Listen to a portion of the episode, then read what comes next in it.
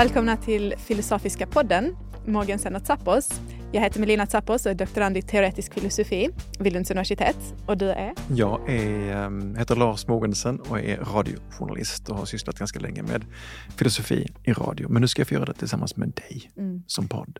Och vad kommer vara speciellt med vår podd, Lars? Vad är det viktiga med att göra en podd om filosofi, eller en filosofisk podd?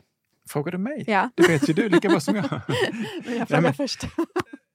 Som sagt var, eh, jag har sysslat med radio och filosofi länge. Eh, det tror jag många vet. Nu, jag vill fortsätta att använda filosofi som ett sätt att hjälpa både mig själv och andra att skärpa tanken, att få syn på sina egna fallgropar. Filosofi är ingenting tjusigt för mig, utan det är liksom ner i skiten och titta på vad vi har att lösa. Upp med problemen på bordet. Att få syn på sina egna ja, men fördomar eller eh, irrationella beteenden. Så det handlar ju om allt ifrån vad vetenskap är eh, till vad rättvisa är, moralfilosofi, politisk filosofi. Men på allvar, på riktigt, även om det är lekfullt också. Mm. Nu har vi ju den erfarenheten, eller den turen och lyxen att eh, vi har en allmänhet som är intresserad av filosofi. Men det är viktigt att göra den länken och brygga det. För att eh, vi, vi kan ju studera eh, och forska eh, och ha filosofi på universiteten på ett väldigt akademiskt sätt. Um, men det finns någonting så otroligt viktigt i, i den bakgrund som du har, journalistiken. Eh, att faktiskt kunna kommunicera filosofi eh, på ett sätt som kan vara tillgängligt men jag vet att det finns ju jättemånga människor som är intresserade av filosofi och som kan mycket, mycket mer än vad jag kan. Det finns massor med människor som träffas, du vet folk har bokcirklar och sånt där. Men det finns ju också människor som har filosoficirklar. De, de lyssnar på radio eller de ser en film eller vad vet jag, ser en utställning och sen sätter de sig ner och, och diskuterar detta på ett filosoferande sätt. Mm. Så det är väl ett sundhetstecken och ett friskhetstecken i ett samhälle att man tillåter sig att filosofera i vid bemärkelse. Mm. Och vi får inte glömma alltså, en av västvärldens kanske mest kändaste filosofer, Sokrates. Han eh, blev ju faktiskt dömd till döden för att han eh, var kritisk och eh, ifrågasatte dåtidens mm. normer mm. i Aten. Um, så filosofi, det han satte i, i metod, är ju någonting som visade sig vara någonting viktigt för samhället. Att man kan vara självkritisk och självgranskande och ifrågasätta sina intuitioner och så. Um, men just att han gick ju runt och gjorde det på torgen. Det var inte på något fancy universitet som han satt och, såna, alltså, Idag talar vi om Sokrates som en vet, fantastisk förebild inom filosofin. Samtidigt är ju sådana som han jobbiga jävlar. alltså, stöter man på en sån idag så blir man ju bara irriterad. Någon som hela tiden ska säga varför det? Hur då? Hur vet du det? Um, så det, Nej, ja, men det är ju sexåringens uh, uh, ständiga frågande. Men, men uh, det är väldigt lätt att bli bekväm och ta saker och ting för givna. Framförallt sina egna handlingar och värderingar. Och antingen att, eller att man efterrationaliserar, hittar på förklaringar i efterhand till varför jag gjorde det där. Mm, så, ehm, så då är han ju en förebild. Så är det. Ja, alltså jag tror det är någonting, de, de här jobbiga personerna eh, kanske är extrempunkten. Men om man kan få om man kan få människor i allmänhet att tänka lite mer så, så hoppas vi på att samhället kan bli faktiskt bättre. Även som individer, men även som grupp. Men det är det jag tycker är så roligt med dig, för du är lite sån, du är inte fullt, du är inte ingen jobbig jävel riktigt vad jag vet. Men, men, men det, det går ju inte att prata med dig utan att du undrar varför det eller hur då eller sådär. Mm. Och, och, ja, detsamma för dig. Det är ju din nyfikenhet som driver dig ja. till att göra detta. Så. Mm. Så jag hoppas att vi kan kombinera, liksom, eh, vad heter det, inte kombinera varandra utan men komplettera, komplettera varandra. Mm, komplettera varandra mm. Det kommer vi nog göra. Och också, jag ser fram emot med, med vår podd då, att eh, få prata med de här gästerna, de här intellektuella människorna som tänkt på de här problemen också.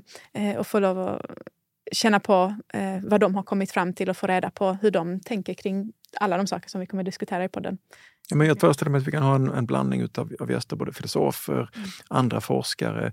Men vi kan också ta in, eh, ska vi prata om eh, att döda djur och äta kött? Tar vi in en slaktare? Eller?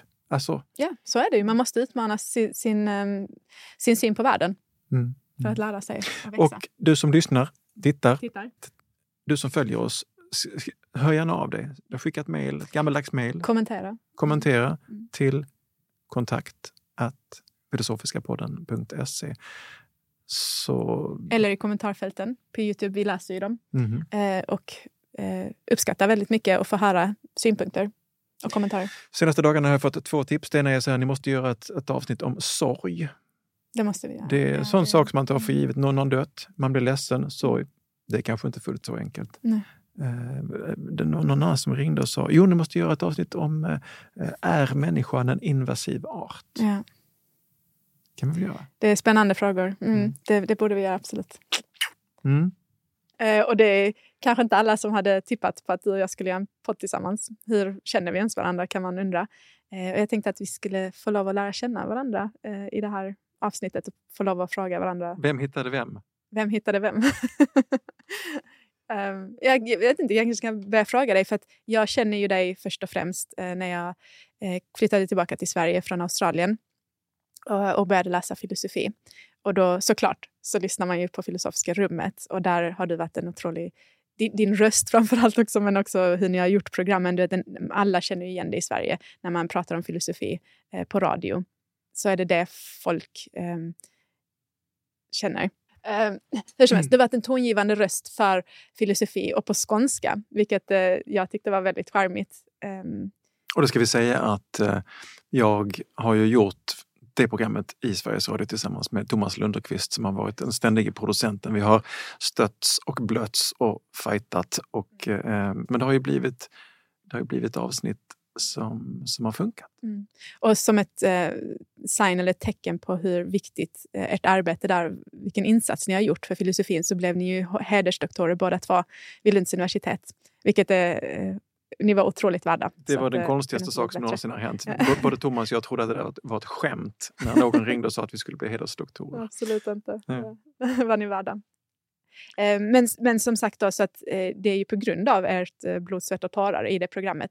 Men okej, min fråga är vad jag undrar, för du är journalist egentligen. Eller du är Ja, det är det journalist. är. Det är det du är. Jag är exakt. absolut inte filosof. nej, precis. Men man associerar ju dig så starkt med filosofi. Och jag undrar, kom den connectionen naturligt? Eh, är det- Hur kommer det sig att du är intresserad av att göra avsnitt, eller ja, radio på, om filosofi? Ja, men så jag har ju jobbat som jag är nyhetsjournalist, allmänjournalist, programledare. Det är där jag kommer ifrån. Jag har jobbat på Ekot och, och den sortens program och, och jobbar ju fortfarande förhoppningsvis en del för Sveriges Radio, med Studio 1 och sådana program. Ehm, men jag hade ägnat mig en del åt att studera islamologi för många, många år sedan. Eh, för jag tyckte det var spännande med, med islam i Sverige. Detta var precis före 11 september så att det var ju ingen timing när det gäller islamism och sånt där. Eh, Och sen fick jag en fråga, och sen jobbade jag också en hel del med, med Människor och tro som var Sveriges Radios program om, om hur religion och samhälle hänger ihop. Det är också ett program som, eh, eller det är ett program som, som försvinner ur tablåerna. nu. Men, men i alla fall religion och politik, religion och samhälle. Och så fick jag frågan om eh, vi ville testa att göra Filosofiska rummet eh, som, som produktionsbolag utanför Sveriges Radio. Och jag tackade ja till det mesta innan jag riktigt hinner tänka efter på vad jag kastar mig ut i för någonting. Eh, så det var så det började. Men det hade väl att göra med att jag hade liksom vissa kunskaper om, om i alla fall livsåskådningsfrågor, inte så jättemycket om filosofi, men, men ändå. Tänker du också att eh, eller, eh, du, har, du måste ju ha en speciell relation till hur de här eh, ideologierna eller tankesätten, tankeskolorna påverkar samhället och att man har en öppen diskussion mellan alltså, publiken eller samhället som man eh, Jag menar det. ha med i diskussionerna. Nej, men jag tänker just att göra det på radio. För att det är en grej att studera eller du vet, bli professor i ämnet i, på universitetet och forska på det. Men det är en annan att faktiskt göra någon slags eh, samhällsnytta, alltså journalistik av, av det.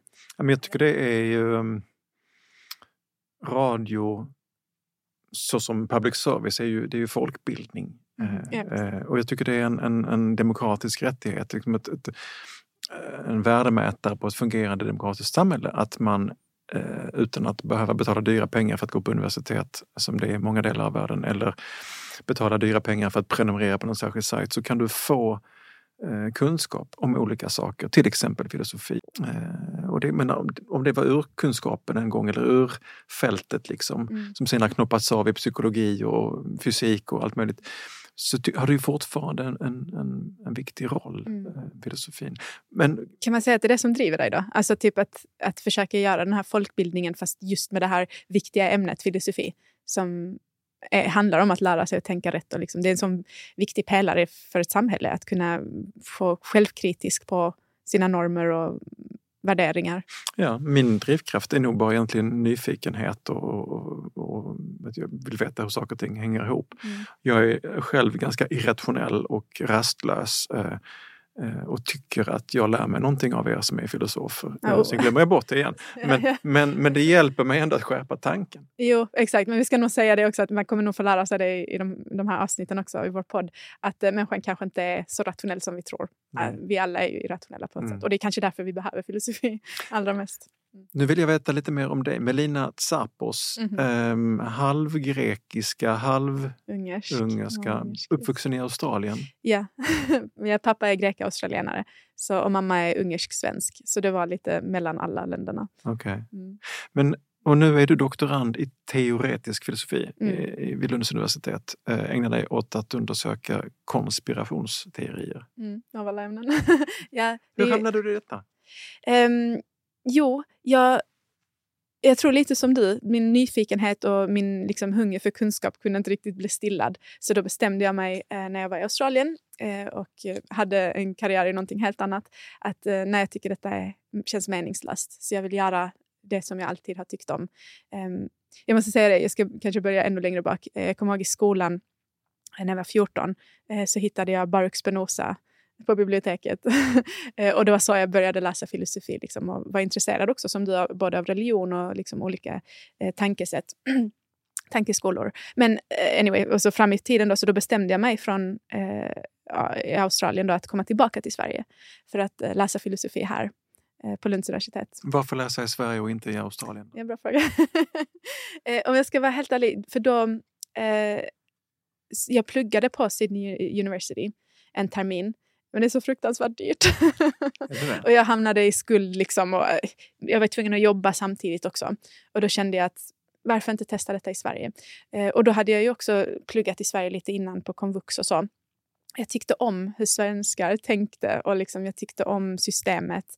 Så då tänkte jag att jag kom tillbaka. Eh, och... Lyxigt att få komma till ett svenskt ja, universitet. Ett av, dem, ett av de ändå bättre i landet och i, i världens världen, bästa. Mm. Mm, definitivt. Han är konstant på eh, topplistor. Ja. Eh, så det var verkligen en speciell plats att komma till och jag var helt eh, begeistrad. Eller eh, för mig var det någonting helt otroligt att samhället bjöd på detta. Att man fick bara helt eh, tillfredsställa sin intellektuella hunger och nyfikenhet och gå på alla seminarier och föreläsningar och massa smarta människor som håller, alla håller på med intressanta saker. Så för mig var det en helt annan miljö att komma in i och jag kände verkligen att jag hade hittat hem. Eller för mig var det då att jag, jag, kände verkligen uppskattningen varje dag och jag gör ju det fortfarande faktiskt. Så det är så jag på något sätt vet att jag är på rätt plats. Och då kan jag berätta, då kan jag berätta för eh, dig som lyssnar att i, när jag och Thomas Lundqvist gjorde Filosofiska rummet så hade vi ett litet redaktionsråd där vi ibland bjöd in några stycken eh, andra människor som kunde hjälpa oss att tänka, för det är inte så lätt att grubbla på allting själv. Och då fick jag tips om Melina Tsapos. Eh, så du var en av dem som, som hjälpte oss att eh, tänka lite bättre. Det blev tyvärr inte så jätteofta. Men, då men jag, jag, jag tog det på allvar. Eller min uppgift på allvar. Jag var jätteexcited när ni hörde av er. För att, som sagt, jag har ju varit ett fan av ert program eh, i alla åren som jag har vetat om det. eh, och eh, det, känd, det kändes ju verkligen som en ära att få lov att vara med där och bli en av dem i teamet. Då vi var ju några stycken. Mm.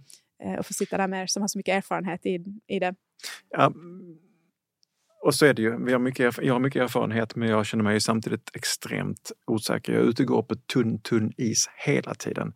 Och jag tycker det känns jättespännande och roligt att få göra det här eh, den här podden tillsammans med dig, Filosofiska podden. Eh, nu vill jag liksom komma vidare. Jag föreställer mig, så jag har fortfarande en slags folkbildnings tanke i grunden. Det är det jag vill med den här podden. Vi kommer säkert göra ett eller annat avsnitt om konspirationsteorier. Men kan du bara berätta ändå, för det är det du doktorerar på, yeah. konspirationsteorier och det är ju någonting som alla pratar om. Ehm, mm. Och vi måste se upp för ryska konspirationsteorier, för trumpiska konspirationsteorier. Vad är det du vill ta reda på? Eh, så vad jag började med att göra det är att utmana den här intuitionen. Eh, jag har testat detta på en del folk också. Vem skulle medge att de är en konspirationsteoretiker? eh, i trevligt sällskap. och det är inte många som räcker upp handen. Det är kanske en eh, max. Eh, men de flesta vill inte säga att det är någonting som de själva är. De är inte någon som tror på konspirationsteorier. De är inte konspirationsteoretiker. Ehm, det är någon annan. Det är Trump. Det är liksom någon loony som sitter och drar röda... Folie, ja, precis. En folie, foliehatt. um, men då skulle man kunna eh, göra en begreppsanalys eller en argumentation eh, som går så här att om man tror på historieböcker, eh, om man tror på kvällsnyheterna, att de är sanna till större delen, om man känner till vad som finns i dem och hänger med, då är man ju en konspirationsteoretiker. Man måste ju dra den slutsatsen för att historieböckerna och kvällsnyheterna är ju fulla av konspirationer, berättelser om konspirationer.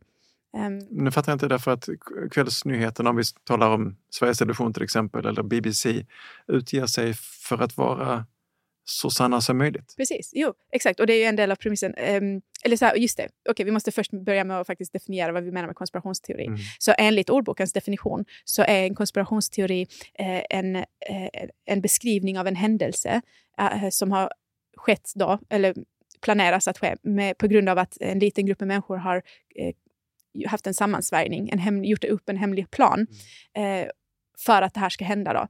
Eh, och det, enligt den definitionen så skulle ju till exempel någonting som eh, vi alla kände till, 9-11. Eh, det var en liten grupp med, med, med människor i Afghanistan, al-Qaida, som i hemlighet gjorde upp en plan för att göra de här attentaten. Då. Man ska tillägga också att oftast så i definitionen brukar, brukar det ingå någon slags ondsinthet i planen. Mm. Eh, och det var ju precis det det var. Och det var ju på kvällsnyheterna. Så om man tror att det var sant, att det var så det gick till, att eh, det var en liten grupp människor, al-Qaida, som konspirerade ihop för att göra de här attentaten. Om man tror på det så är man konspirationsteoretiker, för man tror på konspirationsteorier. Ja, fast, ja, och, mm, okay. Eh, du får utmana dem en sekund. Men om man då å andra sidan tror att det är falskt, eh, att historieböckerna ljuger, att de här berättelserna inte alls är sanna om konspirationsteorierna, då är man förmodligen också en konspirationsteoretiker. För på något sätt så har någon eh, konspirerat för att förfalska det eller för att ljuga på medien och så. Och alltså måste man dra slutsatsen att antagligen är du en konspirationsteoretiker och vi alla är det. Okay. Nu gick det fort. Men vi ska återkomma till det, men jag fattar ändå inte riktigt därför att om jag tror att konspirationsteorier existerar, till exempel att någon tror att jorden är platt eller någon tror att uh, det finns en sammansvärjning Ja, men jag tror att den konspirationsteorin existerar och att den kan vara farlig till och med. Men gör det mig till en konspirationsteoretiker att jag tror att de finns? Precis, så, så här är viktigt att hålla isär. Så det finns konspirationer. Right? Ja. Det är själva akten av att eh, två människor eller fler har i hemlighet gjort upp en plan. Och sen finns det konspirationsteorier. Och det är själva eh, beskrivningen eller eh, vad ska man säga, teorin av att den här konspirationen har ägt rum på det sättet som den har gjort. Så de här två grejerna ska inte blandas ihop. um, ja, men vi kan komma in på djupet. Vi får göra ett annat avsnitt om det. För nu blir det mycket men det är ju så här det går till när man resonerar om grejer. Att eh, det kan se väldigt rörigt ut och sen får man försöka lägga upp grejerna på bordet och separera dem och försöka förstå. Um, nu sysslar du med teoretisk filosofi. I Sverige har man den där uppdelningen mellan praktisk filosofi och teoretisk filosofi. Personligen tror jag att kanske är mer intresserad av sånt som praktiska filosofer ägnar sig åt, alltså moralfilosofi och rättvisefrågor och sånt där. Sånt som folk tar för givet. Så börjar man fundera på vad är rättvisa? Det är inte så himla enkelt egentligen. Um, hur intresserad av sådana saker är du som teoretisk filosof? Mm. Alltså det ska man ju säga, det är egentligen jag är precis som alla andra, det är ju det som man trodde filosofi var till större delen. Um, men och det är kanske, nu i Sverige så delar vi ju upp det. Ja. Men det är inte helt självklart, man gör ju inte det i andra delar av världen. Så att um, de hänger ju ihop och mycket av det som man använder i praktisk filosofi bygger på teoretisk filosofi i grunden, eller i början. Jag menar logik, beslutsteori, alla de här sakerna som vi håller på med, metafysiken måste man på något sätt ha rätt ut för att kunna prata om praktisk filosofi, som vi kallar det. De här frågorna om etik och moral. Mm. Eh, och politisk filosofi. Och politisk filosofi, mm. precis. Alla de um, kanske etisk filosofi också till viss del. Um, ja, de hänger ju ihop. De, de, det finns ingen clear cut linje mellan de här två olika. Skönt egentligen. att höra. Då tar ja. vi oss an, då tar vi oss an rubbet. Hela, ja. All världens filosofiska frågor utan att, uh, utan att banga. Men vi kanske vi ska säga någonting om um, Eh, för okay, vi sa att vi, vi, har ju varit i redaktionsrådet. Ja. Eh, men nu när jag har fått vara med dig eh, och flängt runt i hela Skåne nästan eh, och fått träffa alla de här intressanta människorna som vi har bjudit in som gäster till podden genom dig då, eh, så undrar jag varför valde du någon från praktisk, eller teoretisk filosofi och inte någon från praktisk? Om det nu är det som intresserar. Mm, jag tycker också att de där, den där uppdelningen är lite konstig och jag fattar den inte riktigt. Eh, jag valde dig för att jag tycker att du har kunskaper och du har energi och du är rolig att prata med. så därför. Så, perfekta. Um, men ja, som sagt, jag, jag, ser fram emot det här med uh, människorna som vi ska få lov att in, ha diskussioner med och samtal i mm. den här mm. podden. Jag tror det är också en stor del av det om man ska um, få vara lite självisk. också. Jag ser fram emot det tillsammans med dig, för du verkligen hämtar ut uh, den här curiosityn. Uh, vi får, se, vi får se. Mm. Och jag ser fram emot att uh, se om någon vill lyssna på oss. Jag känner mig lite skraj. Detta är liksom Ja. Ja, men detta är en helt ny värld mm. för mig, poddvärlden. Jag har ju liksom traskat runt i den här ganska trivsamma Sveriges Radio-världen där du har 300 000 lyssnare nästan av dig själv därför att folk står och lagar mat klockan fem på söndagen. Mm. Nu ska vi liksom, hitta våra lyssnare själv. Mm. Därför du som lyssnar, hör gärna och av tittar. dig. Och tittar. Hör gärna av dig. Man ja, kan mejla till oss. Feedback är ju alltid välkommen. Ja, och, och, och, om man tycker sånt är roligt så finns vi på sociala medier också. Mm. Facebook, Instagram. Um, och uh, man kan följa oss lite bakom kulisserna och hur det har gått till när vi har spelat in avsnitten och så. Och där får man ju jättegärna ge förslag på olika saker som man kanske vill höra oss prata om eller någon, någon intressant eh, tem, något intressant tema som man vill höra oss bjuda in någon gäst till att prata med och diskutera. Okay. Uh, men jag, detta, jag, jag tror faktiskt på den här idén. Jag tror vi kommer ha riktigt kul tillsammans, Lars, när vi gör detta. Det tror jag också. Vi, eh, vad ska vi säga? Ja, när kommer, hur ofta kommer avsnitten? Ja, hur ofta kommer avsnitten? Jag har fått fattat det som att det gäller att vara tydlig i mm. poddvärlden. Så är det. Mm. Ska vi säga torsdag morgnar? Varje torsdag morgon? Nej. Nej. Ja, det hade ju varit fantastiskt. Men ja. ska vi säga varannan torsdag morgon? Ja. Alltså ett avsnitt varannan vecka, minst. Alltså det vore ju fantastiskt att kunna göra lite, lite oftare. Men torsdag varannan vecka. Då har man något att se fram emot så kan man lyssna på det antingen fredag någon gång när man har tid på väg till jobbet eller till helgen när man står och lagar mat eller så. Eller när man inte kan sova eller när man är ute och springer eller när man gör någonting annat. Du som lyssnar, tusen tack för att du hängde med oss här. Eh, vi hoppas att du vill följa med på den här lilla resan så får vi se vart den tar vägen. Eh, skriv till oss gärna på som sagt var kontakt filosofiskapodden.se eller på Facebook Filosofiska podden eller Instagram. Vår signatur är gjord av Österlenbandet Cacti Road och vår partner, än så länge, vi vill gärna ha fler, men vår partner just nu är kunskapsföretaget Altitude Meetings i Lund och Malmö. Mm. Tack vi hörs. Ja, vi ses i nästa avsnitt. Hej! Hej! Ska vi titta in där? och på Youtube.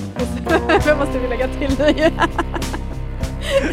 finns vi på Youtube också? Vi finns på Youtube också. Wow, vad heter vi där? Kan man faktiskt se oss. Är Filosofiska podden. Så sök på det. Så. Here, there and ever. Exakt, som det ska vara.